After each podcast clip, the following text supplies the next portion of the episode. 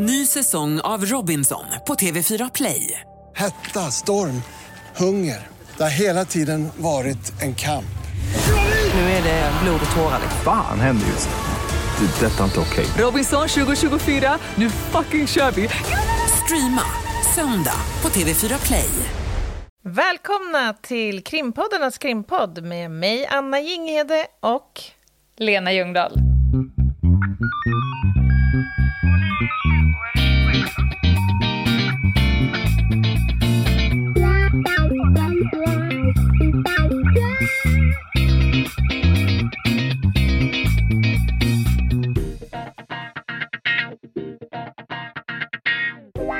Skulle prata livvaktsskydd idag. Just det. Och när jag började fundera på det så kom jag fram till att det går inte att prata om livvakteri utan att prata om Säpo.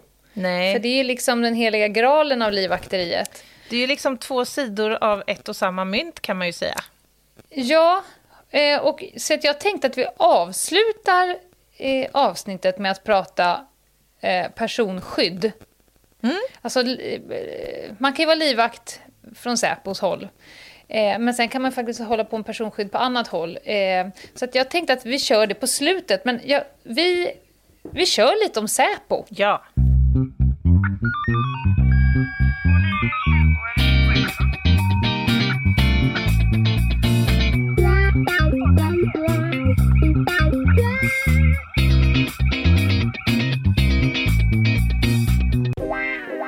Kan, man- kan man ens ägna tid åt, åt det? Finns det någon information att hämta om något så hemligt?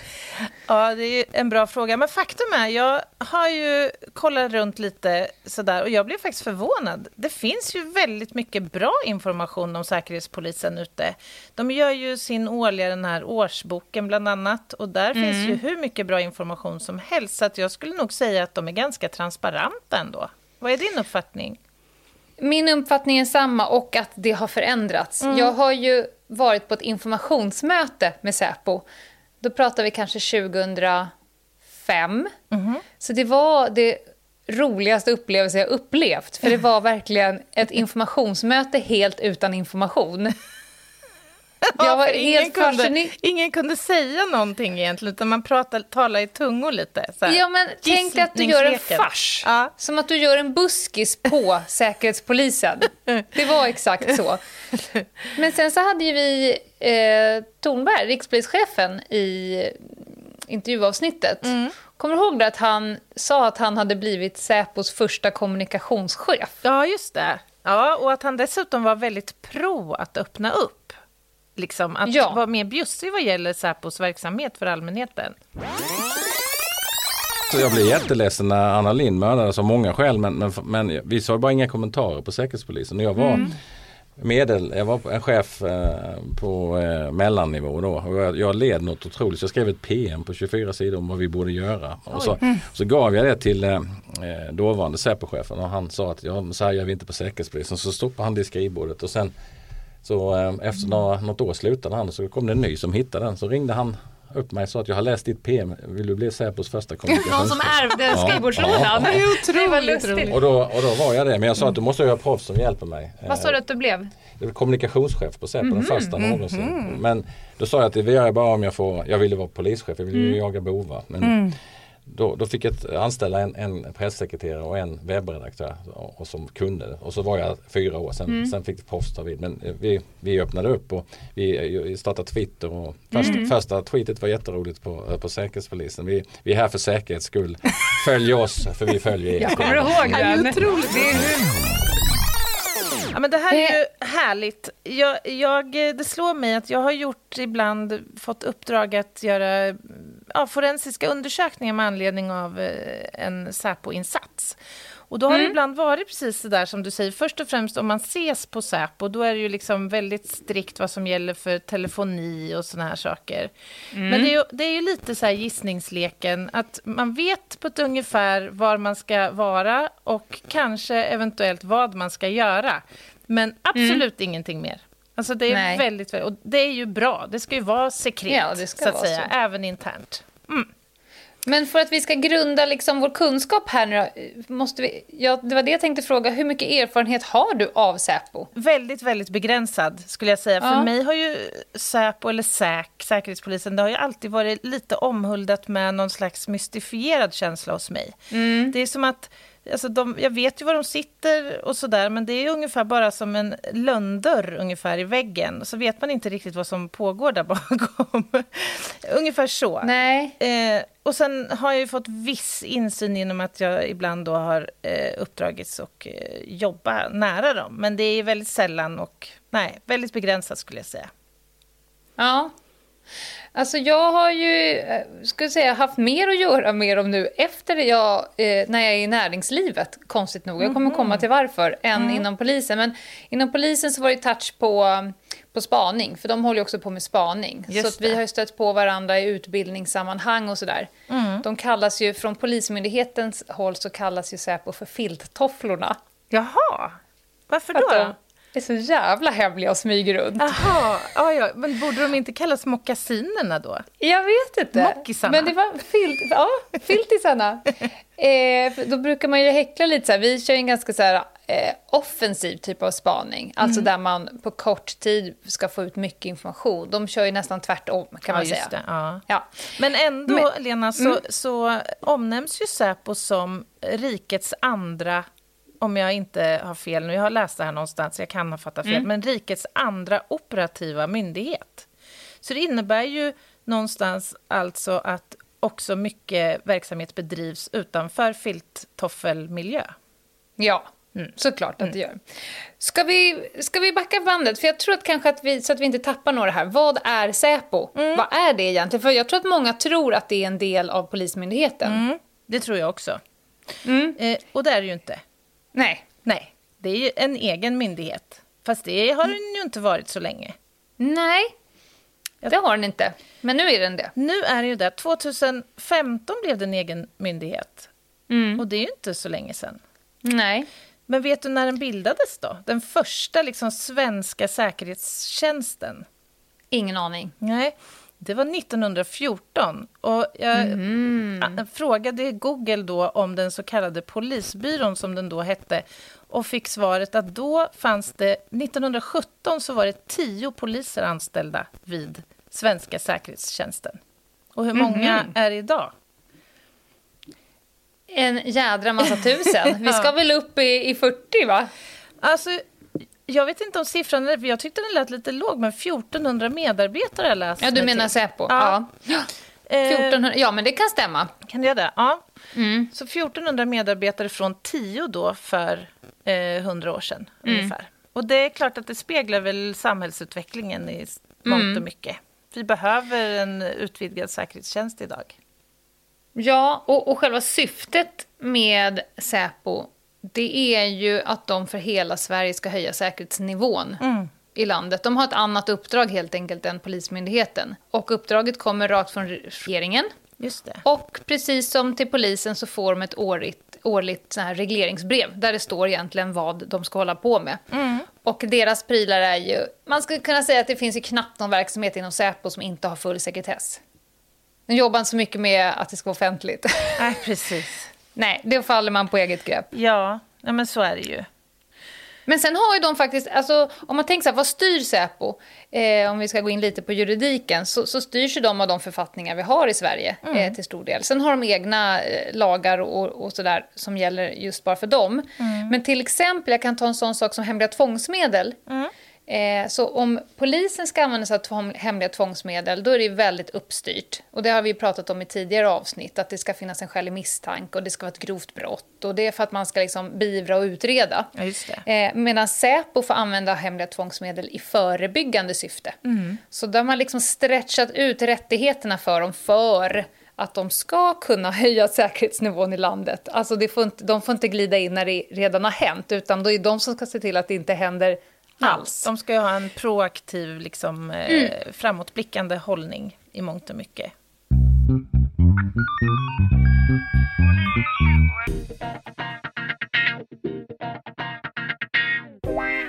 Säpo-chefen heter Claes Friberg. Just det. Eh, och faktiskt så såg jag nu att den som har varit operativ chef på Säpo har nu klivit över och blivit chef på NOA, alltså Ja. nationella operativa avdelningen på polisen. Det är lite spännande. Tänk, tänker Thornberg eh, snå över nu ja, massa bra folk Ja. från Säpo till Polismyndigheten, tror du? Jag kan inte tolka det på något annat sätt att, att han har flyttat över en person som han tycker är bra. Ja, så kan det Jag vara. antar att de har jobbat ihop tidigare. Ja, för Thornberg var ju... Hur många år hade han varit på Säpo? Men var det inte typ 30? Alltså, det var ju så här orimligt många år. Ja, Och det är ju ett bra betyg, måste man ju säga, åt Säkerhetspolisen. Ja, det får man Ja. Och sen så, trots att de ska vara så hemliga och ingen vet vad de håller på med, så är det ju faktiskt att det finns ju olika organ som har insyn i det där. Eh, och då är det de, alltså de insynsorganen som vi har som kontrollerar förvaltning i, i Sverige. Eh, och sen har de faktiskt ett insynsråd också där det finns eh, personer tillsatta från alla partier som också har insyn i vad Säpo håller på med. Och det är ju en hygienfaktor i en rättsstat. Stat, ja. ja. Ja. Och, och jag antar att Säpo, liksom polisen, är direkt underställda justitiedepartementet, va? Ja. Du nämnde årsboken. Ja, just det. Han du bläddra i den? Ja, men alltså jag har gjort det och eh, jag är imponerad. Alltså som trycksak betraktat så är ju det här en riktig höjdare. Väldigt, pedagog... väldigt pedagogisk Ja. och med mycket färg och mycket bilder och väldigt väl beskrivet. Dels liksom Säpos uppdrag men också deras olika verksamhetsområden. Jag gav mig på en sammanfattning av hela årsboken Oj. i några ord. Spännande. Ja, Ja, men vi har jag- 48 minuters sändningstid kvar. Jag att- har några ord här. Jag använder mina 180 högskolepoäng i pedagogik till endast detta. Det var Ja. här det skulle landa. Underbart. Nej, men om man ska sammanfatta Säpos verksamhet 2019 så kunde jag tolka att det var en, en ökad globalisering och digitalisering som är ett stort hot för oss i Sverige idag. Eh, de menar på att främmande makts avsikter, förmågor och aktiviteter har ökat gentemot Sverige. Vi kan säga det igen. Främmande makts avsikt, alltså att de vill, förmågor, att de kan och aktiviteter, att de faktiskt gör något, har ökat i Sverige. Och sen hade de en liten harang som jag tyckte var lite otäck. Hotet från igår är verklighet idag. Känns lite alarmistiskt. Ja, det får man ju säga. Är det, ryss, Men- är det ryssen vi ska frukta? Alltså om man bläddrar ner här lite grann så svaret är faktiskt ja. De beskriver lite olika hot eh, och dels var det ryssen och Kina och Iran. Och sen pratar de om våldsbejakande, liksom, radikaliserade personer och organisationer.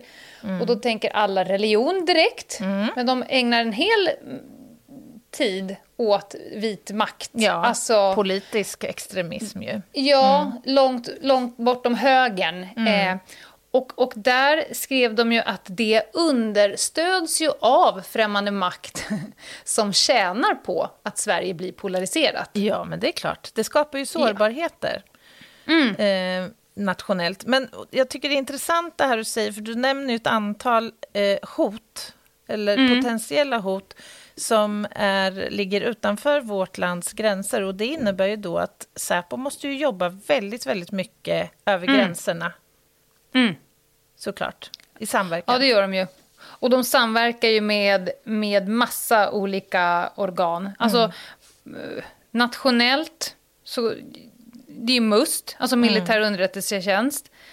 Eh, Försvarets radioanstalt, FRA. Det, ja. Polisen såklart, Ekobrottsmyndigheten, jag menar Kustbevakning, MSB. De, de samarbetar ju med alla som eventuellt kan ge dem information och underlag för bedömning.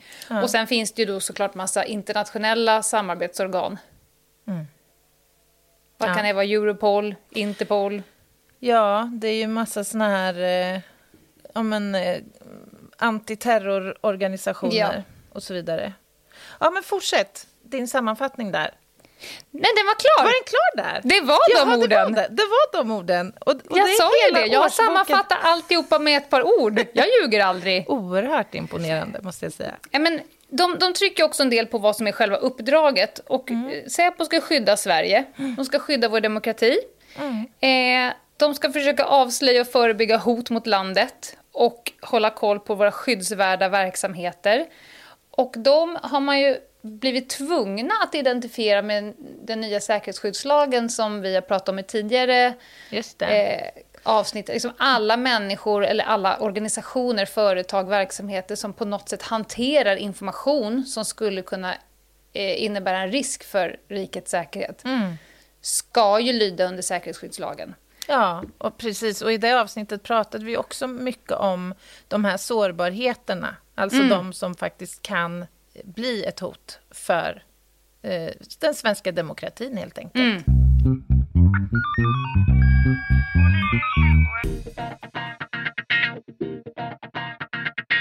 Men om man benar upp då, nu vet vi liksom uppdraget, man, man benar upp eh, vad Säpo liksom har för verksamhetsområden. Eh, jag nämnde ju personskydd och det kommer jag komma till, men kontraspionage, Ja, det känns ju som att det är hämtat ur en fiktiv en roman. 80-tals, ja, eller en 80, amerikansk 80-tals eh, Ja, deckare.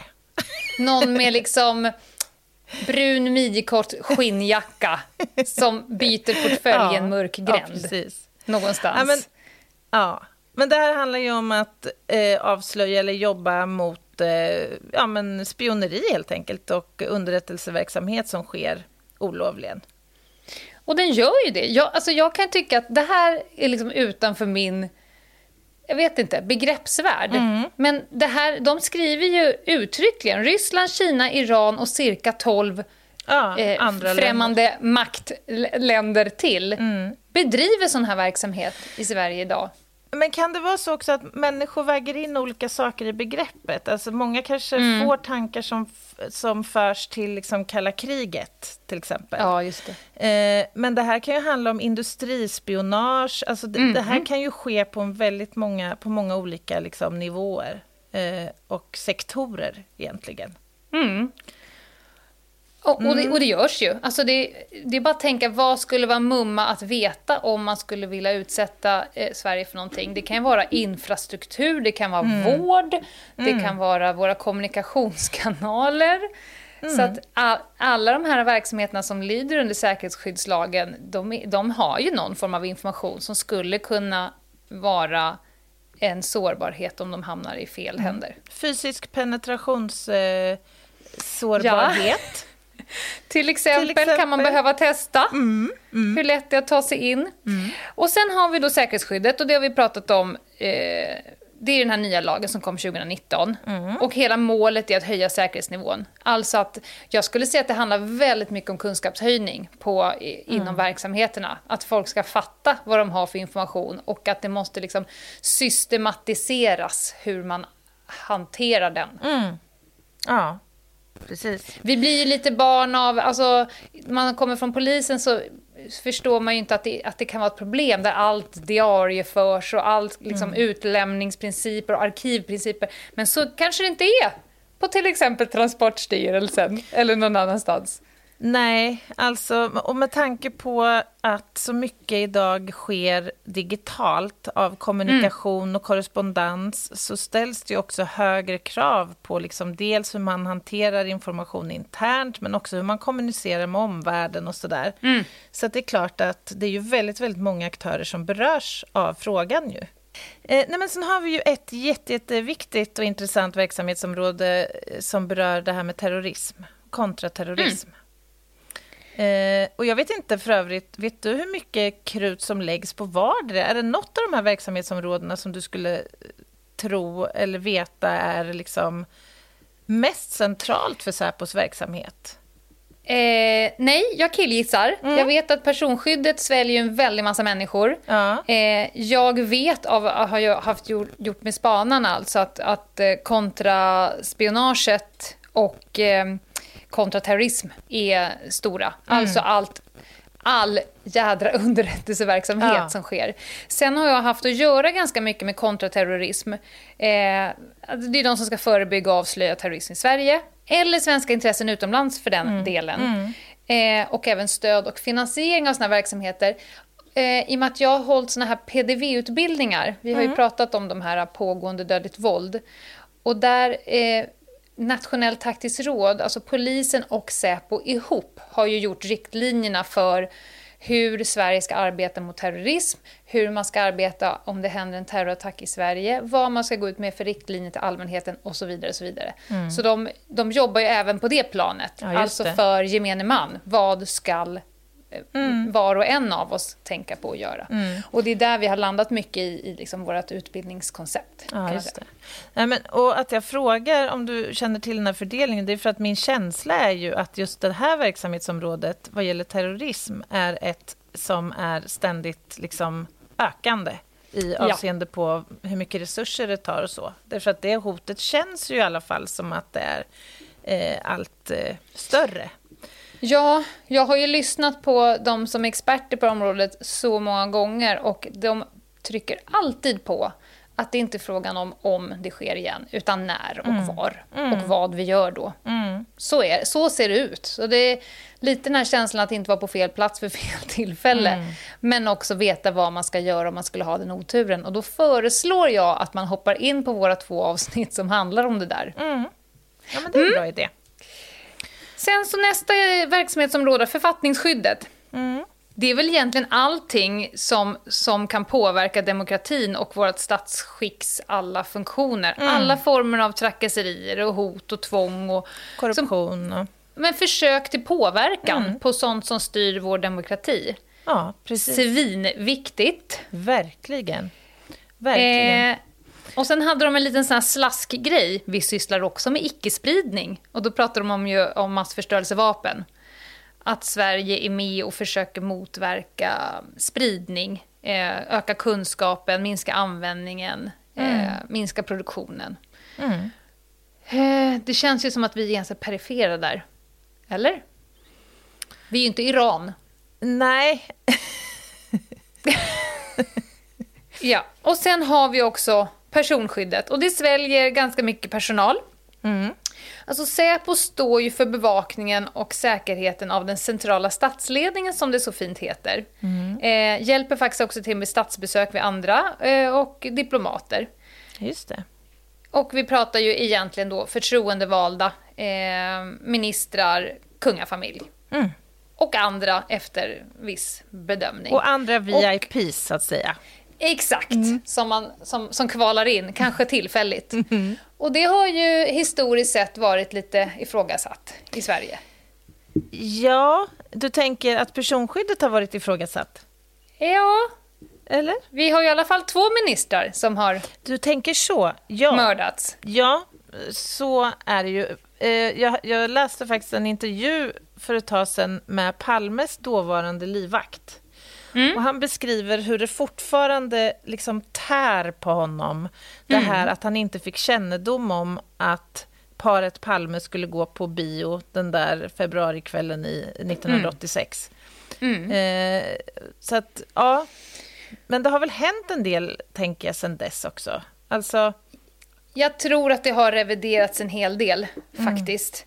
Eh, och... Eh, alltså man kan ju se att de har ju satt en högre lägstanivå, om man säger så. Alltså känslan för där bedömningen att här behövs det inte, den har man ju liksom successivt flyttat upp helt enkelt. Eh, för att jag tror och tänker att det får bara inte hända en gång till. nej, verkligen inte. Det med, med allt vad som krävs så, så får det helt enkelt inte hända igen. Men, Men, men får jag fråga då, du kanske Ja. inte kan svara på det, eller så tänkte du prata om det senare, men för att det slår mig nu att i de här fallen så har ju skyddsobjekten själva valt att inte Mm. ha personskydd eller livvakt vid det aktuella tillfället. Mm. Får man välja det? Alltså Eh, jag tänker ja. att det borde föregås liksom varje sån här off- officiell, eller ja, vad ska jag säga, ja, aktivitet borde ju föregås av Mm. någon form av bedömning av risken för hot? Eh, jag säger både ja och nej på det. Vad det kommer till statsledningen och kungafamiljen så säger jag ingenting. Säger om huruvida pass. de får... Jag säger pass. Eh, när det kommer till personer som inte ingår i det här, alltså de som inte skyddas av eh, Säpos livvakter utan av andra, där kan jag svara om en stund. För det tänkte jag gå igenom. Ja, vad kul.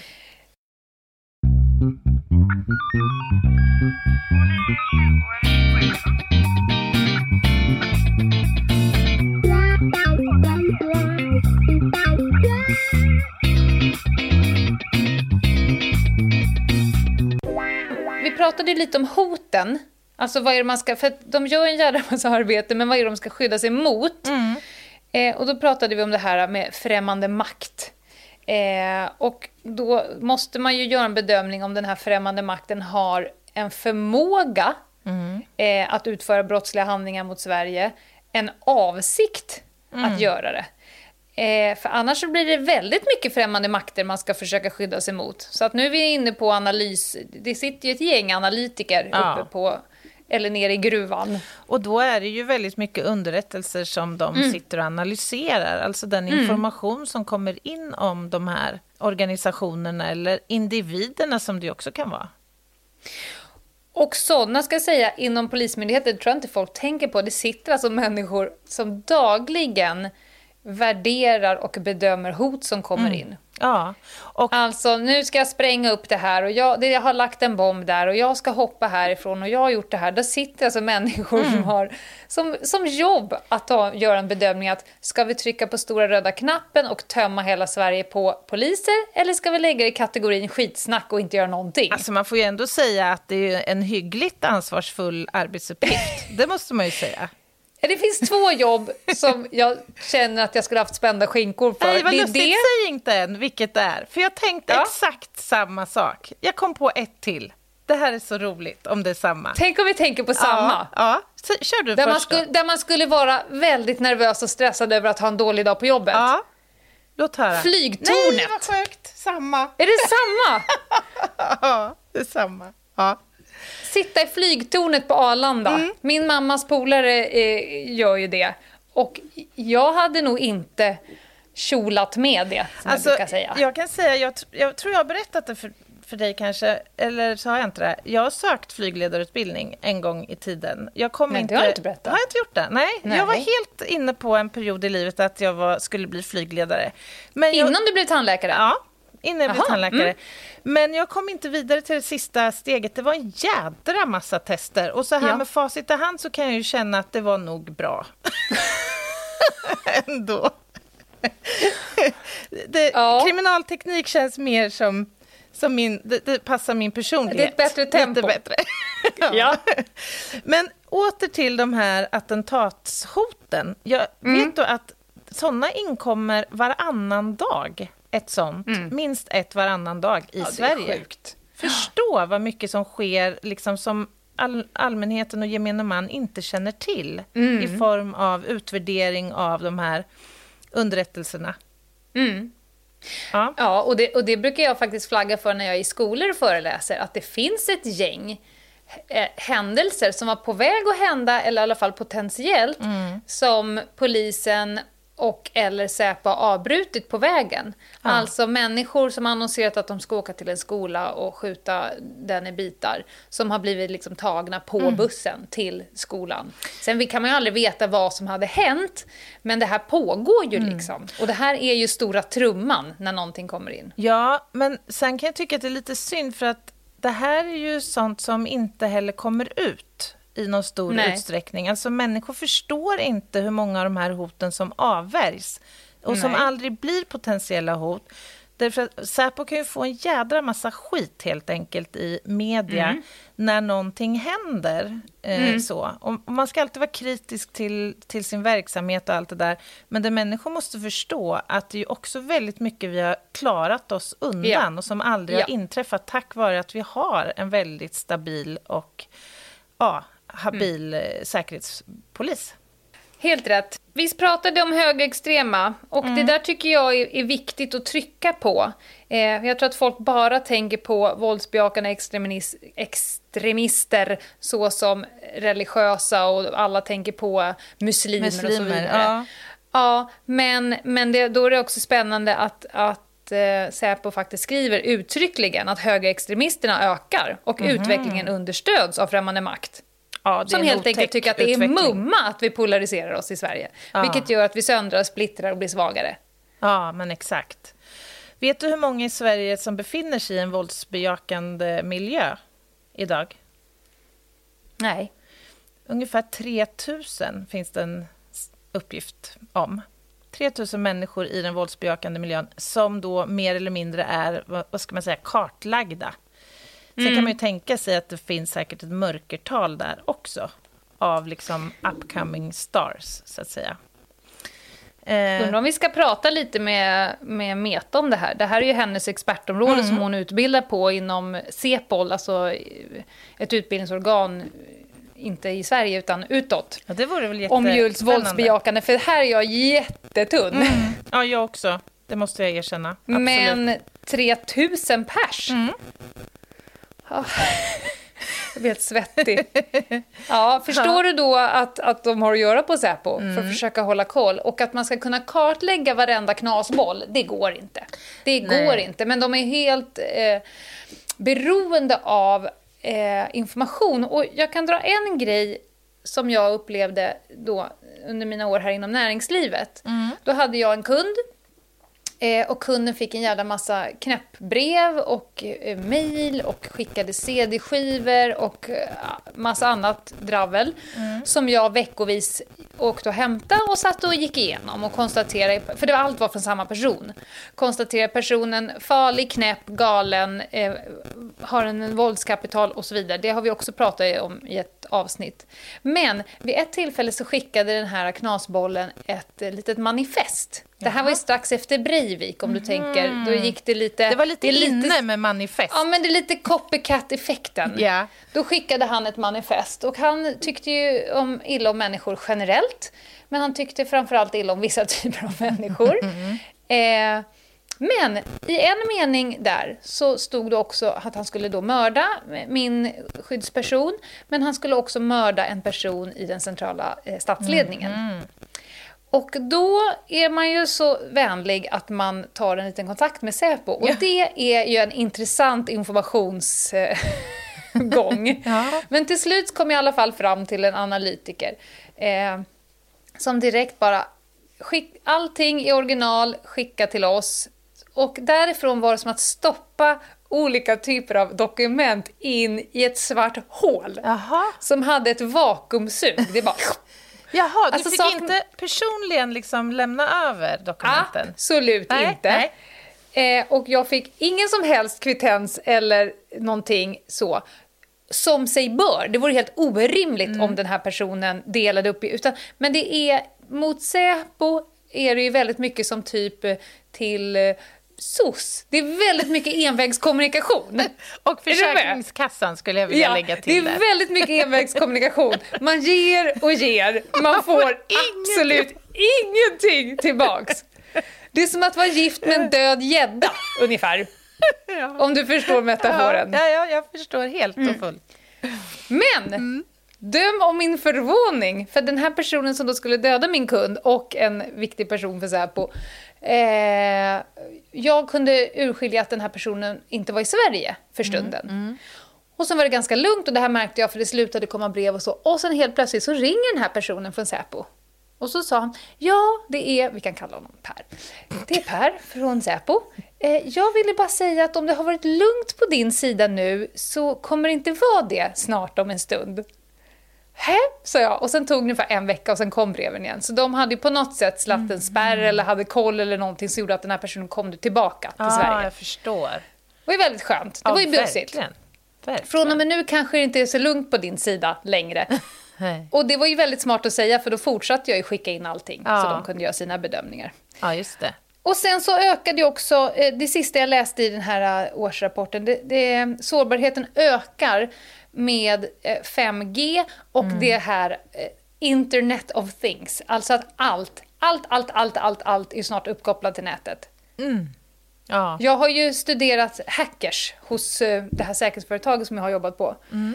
Som typ med på tre minuter kan koppla om dina lampor hemma. Ja, men så alltså, att när du ja. sitter och kollar på TV så sitter de och gör så här klick, Mm. klick, klick. Så det ser ut som julaftons kalanka hemma hos dig. Ja. Koppla om hissen i huset och sådär. Ja, men, Eh, och, och här känns det som att rättsvårdande myndigheter och då Säkerhetspolisen, det känns ju som att de alltid är tvåa på bollen. ja. För att det här är ju en, sån, en utveckling som sker i en sån hisnande fart. Liksom. Mm. Så att det handlar ju om att jaga ikapp utvecklingen Ja. på något sätt för att kunna förebygga då de här hoten Mm. eller se dem komma. Jag tror också att man har gjort ett omtag i en polismyndighet, eller jag vet. För när jag började, alltså i början på 2000-talet, 1920-talet. ja. Nej men alltså då var det så att de, de som jobbade med ekobrott eller IT-brott och så vidare, de hade ju haft en 40-årig poliskarriär som ordningspolis och sen så gick man upp och blev IT-forensiker på slutet. ja. Nej men alltså, nu kanske jag var lite, lite taskig. Men nu anställer man ju folk som har det som kärnverksamhet i sin lilla själ och är smart på riktigt. ja, Det är enda chansen. Ja, där. Alltså, vi, jag fnissar lite nu därför att vi har anställt en massa IT-forensiker på min arbetsplats. Och det är så roligt. Alltså, de här, alltså, är det några som man ändå måste kunna få omnämna som nördar med lite glimt i ögat så är det de här människorna. Det var någon som kallade dem häromdagen för de bleka eh, de bleka arbetskamraterna. Ja. För att liksom, de sitter ju hela dygn framför sin... De kanske sover några timmar på, Ja. På natt. Hjortkola. Men det är hjortkola, det är... Du vet, jag har en kollega, han har plockat bort alla symboler på sitt tangentbord till exempel. Så han har bara svarta tangenter. Ja. Ja. Och då frågar vän av ordning, men, men varför? Ja, varför inte? På, är svaret. F- typ för att jag kan. För att jag kan. Det är samma sak som att min son för, eh, drog ner sin Rubiks kub in, i badet så att han pillade bort alla klisterlappar och Ja. satte på dem Ja, igen. det är smart. Det är en grad av... Nej men jag, jag håller Briljans. helt med dig. Alltså när man går förbi det, den avdelningen på kontoret så att man liksom glider förbi hackersarna. Ja. De har ju, alla har ju fyra skärmar var. Ja, ja, ja. Det går ju inte att på något sätt förstå någonting Nej, av vad nej, som det pågår är- på skärmen. Och så tittar de upp lite hålögt och så säger de någonting som man bara, nej jag förstår inte hjärtat. Men- jag, hör in, jag hör inte vad du säger. Men döm om min förvåning när en av de här IT-snubbarna... För jag vill också samtidigt säga att de är ju briljanta. De gör ju ett enormt Eh, viktigt ja, jobb. Jag jag älskar ju varenda en det. av dem. Bara så att de är det- smarta på riktigt. Ja, de är verkligen smarta Ja. på riktigt. Men döm om min förvåning när en av de här härliga IT-forensikerna frågar mig en dag om jag vill spela tennis med honom och några andra IT-forensiker. Ja, då, då håller jag på att ramla av stolen. Så nu har vi en sån tradition på vår lilla enhet. Jag trodde fys för dem var att de kopplade ihop sig och började lama Ja, och åkte exakt. typ bilspel. Ja, det var precis Gud min vad tanke. vi är. Nu är vi verkligen trångsynta, generaliserande rövhattar. Ja, det- och jag älskar får, det. Får vi säga. Men, men som sagt, vi älskar dem. Vi älskar dem vi. allihopa. Mm? Vi för till det på protokollet. Ja, Ja. Vi är i underläge, det kan vi säga. Ja, definitivt. Ja. Själva verktygen de har, vi sa ju det att det är extremt mycket underrättelsearbete. Ja. Inom och utom landet. Mm. Jag hade varit jättedålig på det jobbet. För att det hade varit så himla mycket Ja, ord. Ja, det hade varit så jobbigt för att du vill ju ha allt på papper, va? Ja, Så jag har ju filofax fortfarande. Så när det kommer in underrättelser eh, digitalt, då ska det skrivas ut. Och med tanke på Mm. Ja. att det kommer in en sådär 6-7 tusen underrättelser, eh, alltså det, det är en stridström av underrättelser som kommer in. Om allt ska skrivas ut, då kommer det att bli svårjobbat, tror jag. Ja, det, det, det kommer bli svårjobbat. Å andra sidan kommer jag inte ha Internet of Things. Nej. Jag, jag har ju ingenting någonstans i det digitala. Det finns post-it-lapp här på väggen hemma. ja. Och här kommer ingen in, för då kommer Doris hänga sig i hälsenan. ja, det känns tryggt. Men och sen har de ju då eh, spaning. Eh, deras olika enheter har spanare. Eh, de har såklart personkällor, som även Polismyndigheten har. Sen jobbar de ju såklart med förhör och sen så jobbar de med kontakter med andra myndigheter. Här och var. Ja, precis. Egna utredare, egna åklagare. Just det. Och sen så har ju de också att de får ju föra register Ja. Det är lite känsligt det här med register. Ja. Man vågar ju fan knappt På skriva förekommen ner... anledning kan man väl säga. Ja, på förekommen anledning. Men där finns något som heter Säpodatalagen och där får de föra register om det behövs för att förebygga, förhindra och upptäcka brott mot Sveriges rikes säkerhet. Mm, så de har en egen lagstiftning. De lyder då alltså inte på samma sätt som polisen under brottsdatalagen antar jag? intressant. Säpodatalagen. Mm. Ja, Lyssna på den. Eh, och sen så var jag ju tvungen att kolla upp om de fanns överhuvudtaget på sociala medier. Det har jag ju vetat Ja. ett tag. Eh, de har ju LinkedIn och Twitter. Eh, och var det inte Thornberg som, som myntade begreppet “följ oss, för vi följer er”? Ja, det är briljant. jätteroligt. Ja, men han är ju härlig. Nej, men han, som sagt, han är ju positiv till eh, synlighet. Och Mm. i transparens i den, möjlighet, eller den utsträckning som är möjlig, så att säga. Mm. Eh, och jag tror han har helt rätt där.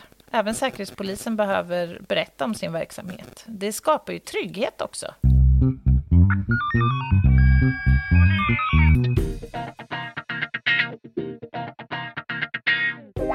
Eh, sen har jag faktiskt en liten sak till på Säpo som jag faktiskt tänkte, för det berörs du av, jag har varit berörd av det, eller är det fortfarande, och det är ju det här med säkerhetsprövning. Ja. Det kanske är några av våra lyssnare som har råkat ut för en, sä- har du råkat ut för en säkerhetsprövning Har någon gång, jag Anna? råkat ut för en säkerhetsprövning? Kan du beskriva vad, vad som hände? Ja, den varade ungefär i tre dygn och fyra nätter, som det kändes. ja. Nej, men det var ju när jag skulle återanställas. Mm. Så fick jag alltså sitta en halv dag i intervju för att gå igenom säkerhetsprövningen. Det var frågor om allt från mina intressen, min familj, min mans föräldrar och hans uppväxt och politiska... Alltså, du vet, massor Mm. med frågor. Men är du i säkerhetsklassning 2 eller? Det är Eller väl är alla poliser, va? Det är den, jag vet faktiskt inte, jag kommer inte ihåg vad det stod på den där Nej. lappen. Jag kan Eh, inte de jag- där klasserna heller. Nej, men om jag ska beskriva, alltså säkerhetsprövning, det är ju alla människor som ska befatta sig med verksamhet som berör rikets säkerhet. Man ska vara lojal och pålitlig och så vidare. Och så vidare. Den, den kopplas ju ofta ihop med en registerkontroll. Som förmodligen gick de in och kollade, eh, då begär man det. Polismyndigheten begär en registerkontroll av Säpo som går in och kollar det. om du finns i belastningsregistret, misstankeregistret, Säpo-registret och så vidare. Och sen så bestämmer ju liksom verksamheten vilken typ av klassning du ska ha. Och säkerhetsklass 1, det är ju extremt stor omfattning. Där är det ju mest troligt inte. Det är ju regeringsbeslut på det. Eh, och då är det ofta särskild personutredning och så vidare. Och så vidare. Och sen finns det en klass 2 som är lite mindre omfattning med sån här typ av information. Och så klass 3 som är lite mindre. Eh, känns ju rimligt att du skulle vara i säkerhetsklass 2. Ja, det är möjligt. Jag, som sagt, jag fick ju det där på pränt, men jag minns faktiskt Mm. inte. Men jag vet att det föregicks av en mängd frågor. Och det här, eh, min känsla är att det här är något som man verkligen har utökat graden av Ja. Mm. kontroll på. För att så här var det ju inte när varken du eller jag kom till polisen från Nej. första början. Inte på den här nivån. Jag har Nej. inte suttit i någon lång intervju. De gjorde ju förmodligen en registerkontroll. Och sen så kollar de av som att man var lojal och pålitlig. Ja, men alltså, jag fick till en exempel... rekobrud. Ja, jag fick till exempel den här frågan. Jaha, eh, spelar du något? Eh, om jag spelar något? Ja, jag spelat lite piano för och sådär. ja, nej, alltså spelar du på typ Lotto? Dobbel? Ja, spel och dobbel. Jaha, ja, alltså vi har haft en lottorad, jag och min man. Jaha, hur mycket lägger ni på spel Nej men eh, på år? vän. Ja, men, ja, men du vet, såna här frågor, ja. du vet, bara, ja, oj, vad kostar en lottorad? En rad är tre kronor och sen gånger... Du vet, ja. Ja. ja, det kanske blir 150 spänn då. Och har favori- mormors adress i Ja. nummer fyra. Och så. Och så bodde jag som liten på nummer nio på gatan där ja. Nej men det är ungefär som att fråga till en person eh, när man är ute efter om de röker braj. Så Ja. säger man så här, du röker du något då? Nej, eller ja, två, tre paket om dagen. Ja. Då tänker man så här, du är ingen knarkare. Men de här som bara, absolut inte, nej jag har aldrig rökt. Man bara, ja, Ja, haschrökare. det blir ett litet pinkeprov. Nej, men ska vi nöja oss med, med Säpo-delen? Det finns ju faktiskt en bok som man faktiskt kan ladda ner själv. Den heter Personlig säkerhet. Den ges ut av Säpo och den senaste gavs ut 2018. Nu bläddrar jag här för att titta. Det där har du Andra- inte skrivit ut. Du har ju Va? en inbunden bok. Ja, men jag är VIP. Ja. Det här är en inbunden bok. Nu ska vi se. Andra upplagan 2018. Jag tror att du kan beställa den gratis. Men... Eh, ja, det här är Anders Thornberg som har förordet och jobbar han kvar. Men det här är alltså syftet med den här är ju primärt för de som är politiskt aktiva. Och eftersom jag har utbildat väldigt många sådana så använder vi oss av den här boken. Men, skulle jag säga, om jag bara tar några rubriker här så skulle jag säga att var och en av oss har faktiskt saker att hämta här. Alltså hur man hanterar hot och angrepp, hur man skyddar sin identitet, hur man anmäler hot, hur man ska tänka lite kring säkerhet när, på resor inom lands och utomlands. Det är ju inte bara politiskt aktiva. Eh, hur man hanterar rättshaverister, hur man Oj, eh, färdas säkert i bil. Det är en jävligt bra liten eh, doning. Dagens som man kan boktips. Ja, ninna, ninna, na, ninna, na, na.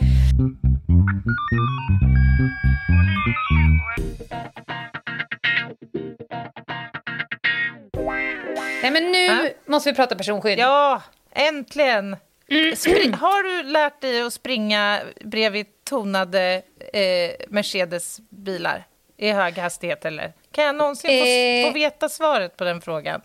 Jag är bättre på Opel än Mercedes. Nej, men skämt åsido, var börjar vi då? I vilken ände? Nej, men vi börjar med att särskilja det från, från livvakteriet på Säpo. Eh, för, för egentligen heter man inte livvakt utanför Säpo, utan då heter man att man är personskyddsvakt. Det låter inte alls Eh. lika coolt, tycker jag. Nej, och Tyvärr. när man säger det så säger folk så här, vadå, är det livvakt? Ja, säger man då, Ja. Mm. för att man orkar inte förklara. Men Säpo är eh, ansvarig för kungafamiljen, ministrar, riksdagsledamöter. Typ 400 pers. Oj! Yes. Ja, Resten får klara sig det är själva. en jädra massa löst folk. Ja, framförallt resten, en jävla massa löst folk har, har det visat sig. Ja. Och då kan man tänka så här, men varför i hela friden ska en person behöva personskydd? Eh, om man nu inte är kung, till exempel. Och då är det så här, att det finns personer som är extremt kapitalstarka och därav har en hotbild på sig. Det finns personer som är extremt kända, eh, hatade. Det finns personer som sitter eh, på positioner i samhället eller på företag där helt enkelt kanske en företags säkerhetsavdelning säger att den här personen är en sån nyckelperson för oss. Så att det går åt fanders om den här personen eh, om det händer den personen något eller om vi drar det ännu längre inte kan jobba fritt och ledigt och tryggt. Utan liksom begränsa sin rörelsefrihet eller sin mentala spänst på grund av ett, liksom ett överhängande hot. Så att det finns faktiskt en hel del människor som eh, behöver personskydd. Sen skulle jag, nu drar jag upp mitt allvarsfinger igen, jag skulle säga att det finns väldigt många människor som tror sig behöva personskydd. Mitt standardsvar när det kommer till säkerhet är ju alltid nej. Nej, du behöver inte bygga panic room, du behöver inget safe, liksom, inga såna här som du kan kasta ut genom fönstret. Du behöver inte profilon på dina glasrutor och du behöver absolut inte en sur livvakt. Nej. Du behöver utbildning, du behöver eh, en, ett, ett tänk, du behöver mental förberedelse och kanske några säkerhetsåtgärder, men det andra behöver du inte. Men, men jag tänker att människor är ju, bär ju på olika grad av ängslighet generellt. Liksom. Eh, jag behöver ju inte gå jättelångt i min krets för att hitta sådana människor som är ängsliga över saker och ting. Och jag tänker då om de här människorna rå- skulle råka ha en sån position där de har en officiell kanske position eller funktion. Det skulle ju kunna bli haveri för de här människorna. Ja, Att leva och med den här rädslan menar jag. Ja, Inbillade och därför, rädslan. är, därför är jobbet som personskyddsvakt så oerhört mycket mer än att frakta en person från A till B på ett säkert Mm. sätt. För att du kan ju spilla på en persons otrygghet så att den just nästan det. går sönder. Hela grejen är att du ska bli tryggare. Mm. Eh, men alltså, att vara personskyddsvakt eh, tror folk är liksom actionartat. det är ju extremt lite action skulle jag säga. Ja, det är det. Jag jobbar ju som det här, då och då. Eh, jag jobbar med det här. Eh, och jag skulle säga att min arbetsinsats går 70% på eh, förebyggande arbete, att utbildningsinsatser, fixa och dona, eh, göra liksom långsiktiga planeringar, se till att utbilda människor i skyddspersonens närhet, fundera kring boendet och, och massor sånt. Sen ska jag säga att 20% är såna här ad hoc-grejer. Att nu kom det in, jag ska vara här om tre dagar. Då pågår ju, börjar jag ju en planering av det. Hur ska du komma dit? Hur ska du komma därifrån? Vilka andra är där? Finns det en säker, säkerhetsorganisation på platsen? Är det en avprickningslista? Finns det vakter? Har polisen någon insats? Finns det någon annan person som skulle kunna öka på din hotbild? Lars Vilks, kommer han vara där? Just det. Ja, Och då är det ju Säpo där. så mycket handlar om risk och hotbedömning och Extremt bedömning av mycket. graden av skyddsbehov egentligen. Ja, exakt. Exakt det sista du sa. Jag bedömer graden av skyddsbehovet och sen så kopplar jag på åtgärder. Åtgärderna kan vara precis vad som helst. I det här fallet så blir åtgärden ofta att jag följer med dig dit, jag följer med därifrån, men där får du klara dig själv. Men handen på exempel. hjärtat, Lena, du måste ju ha suttit i åtskilliga provhytter och vad vet jag, liftköer och biofilm har du säkert sett en och annan. Det blir, men alltså, det, man är ju en del av de här människornas Ja. eh, vardag i allt väsentligt, tänker jag. Så det måste väl ändå innebära ganska långa stunder av massa såna där saker också. Extremt många och långa stunder. Mm. Och rent polisiärt har jag också haft såna här äh, små uppdrag. Jag skulle vakta om det var Kina eller... vi- Det var någon... Vakta Kina! Nej, nej, jag skulle säga till något lands fjärde person, någon talman från Ja. något land, Ja. som kom med ett litet entourage på 100 pers. Så bara, den här dörren, den här dörren är viktig. Man bara, nej men då sitter jag här i 63 timmar och käkar geléhallon. Spännande. Skjut mig bara. Ja. Eh, jag, kan, jag kan en gång, det var eh, basket-EM kanske, eller VM, jag vet inte vad som gick, men det gick i alla fall i Globen. Och då var det ett lands basketlag som, skulle, som hade ett helt våningsplan. Och då var det lite oroligt i, i världen kring det landet. Så då fick jag och en kollega till mig eh, sköta liksom, eh, säkerheten på det våningsplanet. Så då fick vi sitta, vi satt liksom i hiss, precis vid hissarna. Eh, och då skulle vi vara civila, absolut sa vi, vi är civila, så vi gick dit. Och sen så kom det någon skön lirare med typ, tänk ett A4-papper med en sån här en rem runt, ungefär som man får runt halsen när man är hos tandläkaren. Jaha. En ja. liten sladd runt nacken som med två nypor håller i ett servetthållare, A4-papper. ja. Ja. A4-pappret hänger på våran mage där det står polis på. Och vi var lite frågade varför vi skulle Vilken vara civila. tur att vi var civilare. Ja. Ja. Men då kom nämligen livvakterna till det här äh, basketlaget Ja. med vapen och fan och hans moster. Så det var ju Mm. mest för att vi inte skulle typ bli dödade av deras egna Jaha, livvakter. jag fattar. Ja, ja, ja. ja. De hade Så att vi tagit ut det direkt ur matchen, så att säga, Verkligen. i dubbel bemärkelse. Ja. Mm.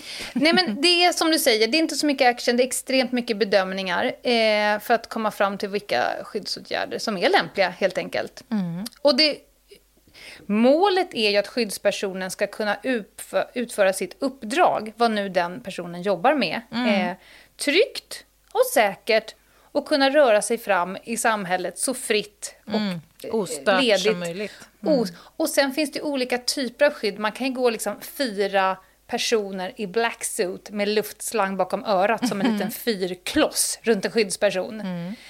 Man kallar det för show off force. Alltså, här är vi, tänk inte ens tanken. Det är lite så Säpo jobbar när man ska gå med så finansbunten på, på Drottninggatan för man ska få en tårta i ansiktet. ja, jag tänkte säga det, det är så att för att förhindra tårtning. Exakt. Man kan också gå helt andra hållet, där livvakten överhuvudtaget inte syns.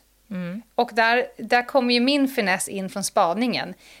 När man går på stan så ska man inte se mig och bara hmm, där är en livvakt. Vem skyddar hon?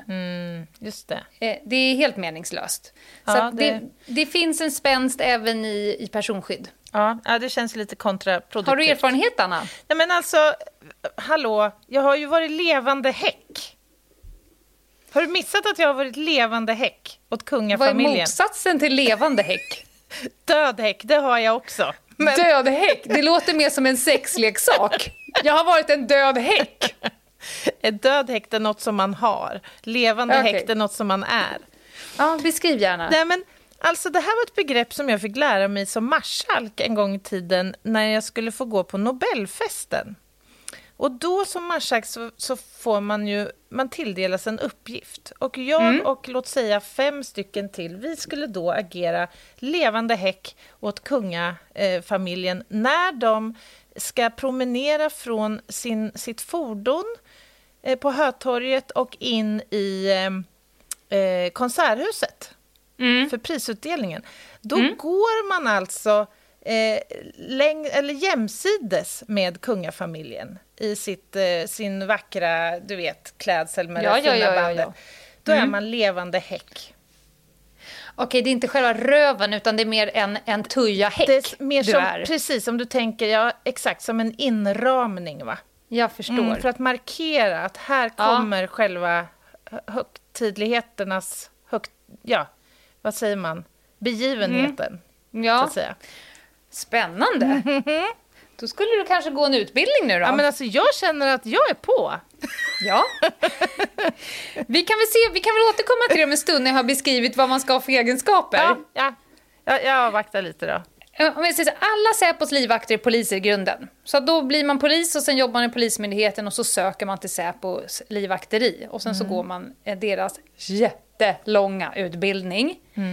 Eh, Sa du för övrigt personskyddsutbildningen? Den... den kommer jag till. Ja, då kommer den. Ja. Mm, den är kortare. Men, eh, och sen så, själva syftet är att livvakter ska ju kunna hantera ett angrepp. Så de är inte där för att gå eh, när ingenting händer. Då, till, till syvende och sist så ska de ju kunna hantera ett angrepp oavsett om det sker till fots eller i bil eller uppifrån eller underifrån eller sådär. Så det är ganska hardcore. Ska de kunna ta en kula med sin kropp? Eh, det finns ju inga kroppar som kan ta en kula. Så Nej, det är ingenting som ingår i utbildningen, att, att fånga den i luften så här. Men jag tror det där är en sån här föreställning som man kanske har om livvakter. Att de ska skydda objektet till varje pris och om det krävs med sin Ja. kropp. Man kan inte tvinga in, det finns ingen människa i Sverige som har avskrivit sig rätten till nödvärn. Så kan jag svara på den frågan. Mm. Ja, den är, det är ett bra svar. Eh, och för att vara personskyddsvakt eller livvakt, som du har förstått så måste man ha en djävulsk social förmåga. För att du umgås ju på tvång med en person väldigt mycket. Ja. Det är väldigt många timmar i bil. Det är väldigt många timmar sittande och stående eh, runt om på olika väntlägen. Eh, du ska ha en benfast mental förmåga. Du får inte vara särskilt svajig i ditt psyke. Eh, och sen måste du också ha en, faktiskt en ganska hög kapacitet eh, fysiskt för att kunna hantera angrepp. Du måste kunna slåss. Eh, du måste kunna springa, du måste kunna släpa skyddsobjektet. Eh, du måste kunna köra bil väldigt, väldigt bra, för du måste kunna köra dig ur situationer. Det är lite som på bodyguard. Man övar ju... Ja, men det är så. Att kunna backa sig ur situationer, att kunna mentalt vara beredd att köra över en person ur en, en, en situation. Ja, men taktisk bilkörning helt enkelt. Ja. Men alltså alla de här andra skillsen då? Alpin skidåkning, vad har vi på det? Abs- alltså, söker du en livvaktstjänst för kungafamiljen så kommer du att få frågan om hur dina alpina skills Ja, är. ja, men- för att du kommer behöva åka skidor. Jag tänker att det är givet att man borde kunna hamna i en massa såna här olika typer av liksom, situationer där det Ja. ställs liksom helt andra krav på dig än de Absolut. rent yrkesmässiga, så att säga. Det kanske krävs att du måste kunna dyka. Mhm. Eller Mm. vara duktig på fallskärmshoppning eller vad det nu skyddsobjektet håller på med på sin fritid. Mm. Eh, sen utöver det här måste du ha en enorm förmåga till samverkan. Alltså, om du ska kunna färda en person från A till B på smidigt sätt, eh, hoppa på ett flygplan eller komma till en restaurang eller till någon större tillställning så måste du hela tiden samverka med andra personer. Eh, jag har ju jobbat på platser där det liksom har varit åtta olika skyddsobjekt på samma plats med åtta olika personskyddsvakter från åtta olika bolag. Ja, men jag tänker Det också... blir ju lite som att man står och stöter på varandra som så här bowlingkäglor. Så Ja. då gör man någon form av plan att så här, vi håller inne, ni håller Ja. ute, jag går och sätter mig i bilen och spelar Fia med knuff. Men sen tänker jag också om det till exempel är ett statsbesök. Säg Mm. att eh, United States of Americas president Ja. är här och så ska du samverka Ja. med Secret Service. Ja, så har ju, gjort. Ja, och då lär ju de ha ett jädra entourage med sig. Ja, alltså, de lär tar över. Plan, ja, det kan jag tänka mig. För det måste ju bli oerhört svårt liksom att lägga upp en snabb plan för ett sånt besök tillsammans. Nej. Nej, men de kan komma in och säga så här, vi behöver den här delen av byggnaden så att ni får lägga ner er verksamhet. Vi Mhm. behöver det här hörnan för att vi ska kunna se det här. Ja, säger Mm. alla då. Det är uppfattat.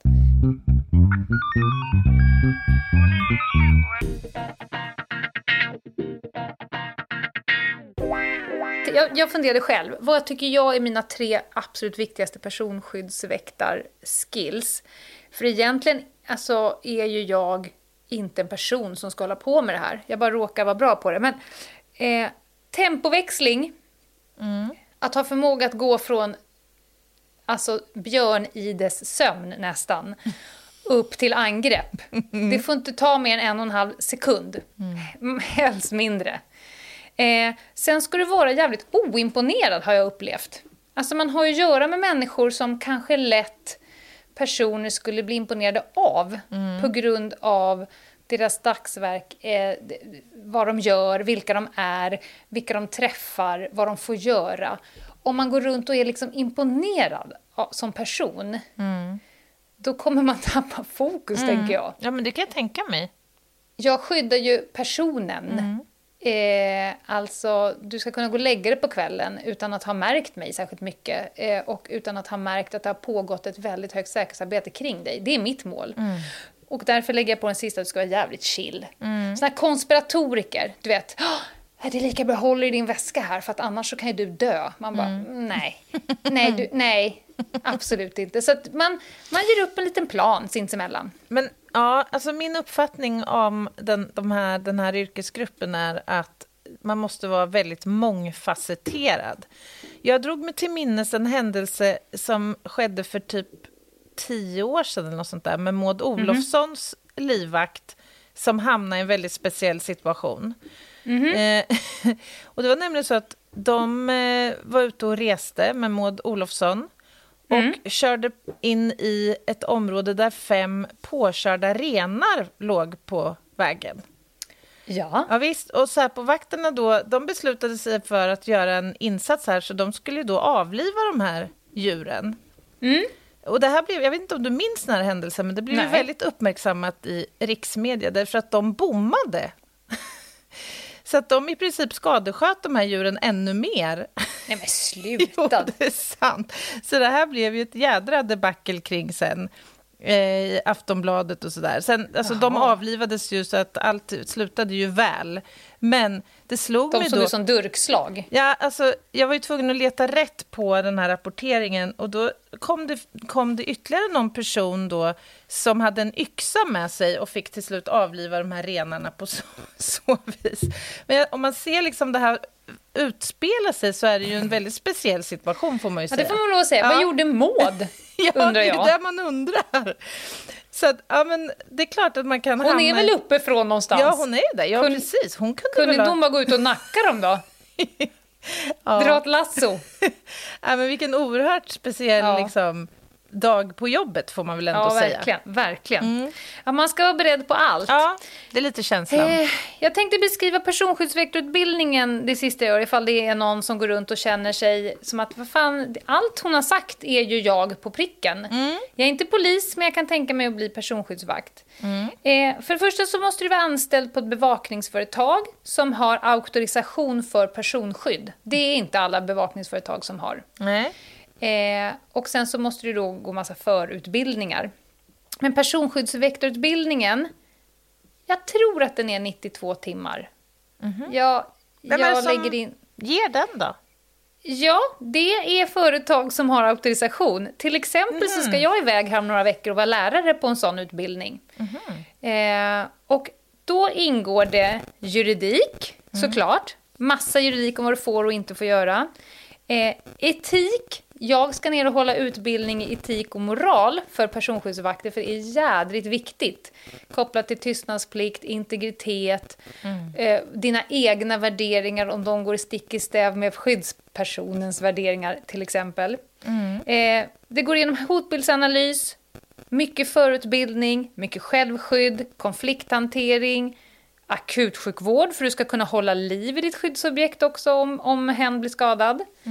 Taktiskt uppträdande, avrapportering, samverkan och praktiskt prov och teoretiskt prov. Om man tycker att det känns jävligt mummigt, då får man helt enkelt googla sig rätt på ett bevakningsföretag som har personskydd. Och det står en fin harang, jag läser upp den som slut. Det står Bevakning av enskild person för dennes skydd är en särskilt kvalificerad form av bevakning som ställer stora krav på omdöme, stadga och kontinuitet och som det främst ankommer polisen att utföra. Med bevakning av enskild person för dennes skydd ska förstås ett personellt skyddande av en person som utför i personens omedelbara närhet för att skapa ett extra skydd mot brottsligt angrepp mot hans eller hennes liv, hälsa eller rörelsefrihet. Det är det som är. Det är det som är. Eh, det är det som är. Och eh, ja, det pågår. Jag tror inte folk tänker på det så mycket. Det syns kanske inte så mycket. Nej. Nej, det är möjligt. Mm. Intressant tycker jag. Eh, Säpo ser man ju. De har ju black suit. ja, Med ett det- litet pin på slaget. Precis. Har du hört talas om Säpo-joggen? Det är ett roligt inslag. Nej, Säpo-längden har jag hört talas om. Jaha, vad är det då? Det är en kanellängd som vanliga människor bjuder Säpo på när de har tråkigt och väntar. Jag förstår. Nej, men Ja. Säpo-joggen, och jag vet inte om det här också kanske är lite i Anders Thornbergs anda som det uppkom. Alltså det, det myntades begreppet när eh, prins Daniel och Victoria skulle gifta sig. Och eh, livvakter då fick springa längs med kortegen och Ja. den här, eh, ja, vagn, vad, vad heter det? Släden? Häst? Eh, det vagn. tror jag inte det heter. Va, vagnen? Nej. Nej, vad heter Nej, det den? heter något... Vänta, vänta. Fortsätt prata, jag kommer komma Ja. på det. Och det här var då en sträcka på fem... Droska! Nej, Hästdroskan. Nej men den har ju ett namn. Nu kommer Herman Lindqvist dö. Ja, nu kör vi. Ja, och i alla fall så fick ju de här livvakterna bekänna lite färg då, i och med att de fick ju springa i den här värmen längs med då, ja, låt oss kalla den droskan, Ja. fem kilometer. Ja. Eh, och det här blev ju en grej som då kom att kallas för Säpo-joggen. Så det här har man sen fullföljt och gjort i samband med Almedalsveckan. Så, så springer eh, eh, Säpo-livvakter en eh, joggingtur och då tror jag faktiskt att allmänheten får vara med på något sätt. Det har liksom blivit en grej av det där. Det är lite kul. Må, vet du, måste man då springa i myggjagare? Eller någon som har lågsko? Det vore ju för sig lite kul. Det finns ju någon sån där löptävling vet jag, där man måste springa i pumps till exempel. Det är ändå lite knorr på det hela. Det är lite Det kul. har jag gjort i spaningar. Jag har sprungit i pumps. Jag har sprungit i flipflops, Ja. i pumps, i Dr. Martins med platå. Ja, herregud.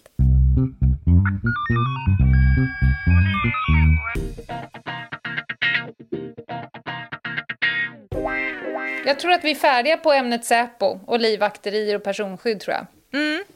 Ja, men eh, vad intressant det har varit tycker jag. Att få en inblick i eh, Säpos verksamhet och sen personskyddsverksamheten. Jag, jag tror faktiskt att även om... Det här är ju inte någon av våra liksom, eh, tyngsta ämnen. Men man har, jag, jag inser faktiskt när vi väljer ämnen som ibland är så här, ho, vad kan vi på det här? När man öppnar upp lådan av all erfarenhet och kunskap som man har liksom inmundigat sig i sin karriär så inser man så här, nej men Lite kan vi ändå. Ja, men det här är ju ändå, tycker jag, din låda mycket. Det är inte mycket fingeravtryck och kolpulver och sånt i, i det här, på det här temat, så att säga. Ja, Ja, ehm, det var torsdagsavsnittet. yes. På måndag får vi se vad Meta Secreta har hittat på för spännande Såg du vad hon skrev till oss? spaning. Nej. Bra jobbat i måndags tjejer, det var uppvärmningen. På måndag smäller det. Oh. ja. Ja, eh, det blir spännande. Upplevling på måndag alltså. Ja, och, jag eh, ska- tills, och till dess så eh, kika in på Instagram på Ljungdahl och Ginghedes konto där. Frågor och tankar och synpunkter kan ni mejla till oss på ljungdahloginghede@gmail.com. Och hörni, glöm inte Acast supporterfunktion om du vill stötta podden. Nej, den tycker, jag tycker att den här lilla harangen som är i början av, av varje poddavsnitt, där de säger om du älskar den här podden, bla bla bla, det finns ingen bindningstid. Det låter ju som... Det har ingen bra klang alltså. Nej, men den har verkligen... Då, jag skulle tolka det som att du, du liksom... Du lägger in någon slant och sen kommer det rulla på tills den dagen du bestämmer för att du vill sluta. Jag skulle tolka det, Det- som en form av donationsprenumeration. Exakt, Ja. det, så är det ju inte. Man Nej. går in och sen är det ju bara en sak vid ett tillfälle. Där får de ju tänka till, A-kast. Akast. Ja. Tack för idag. Tack Vi för hörs idag, på måndag. Hej. Bye.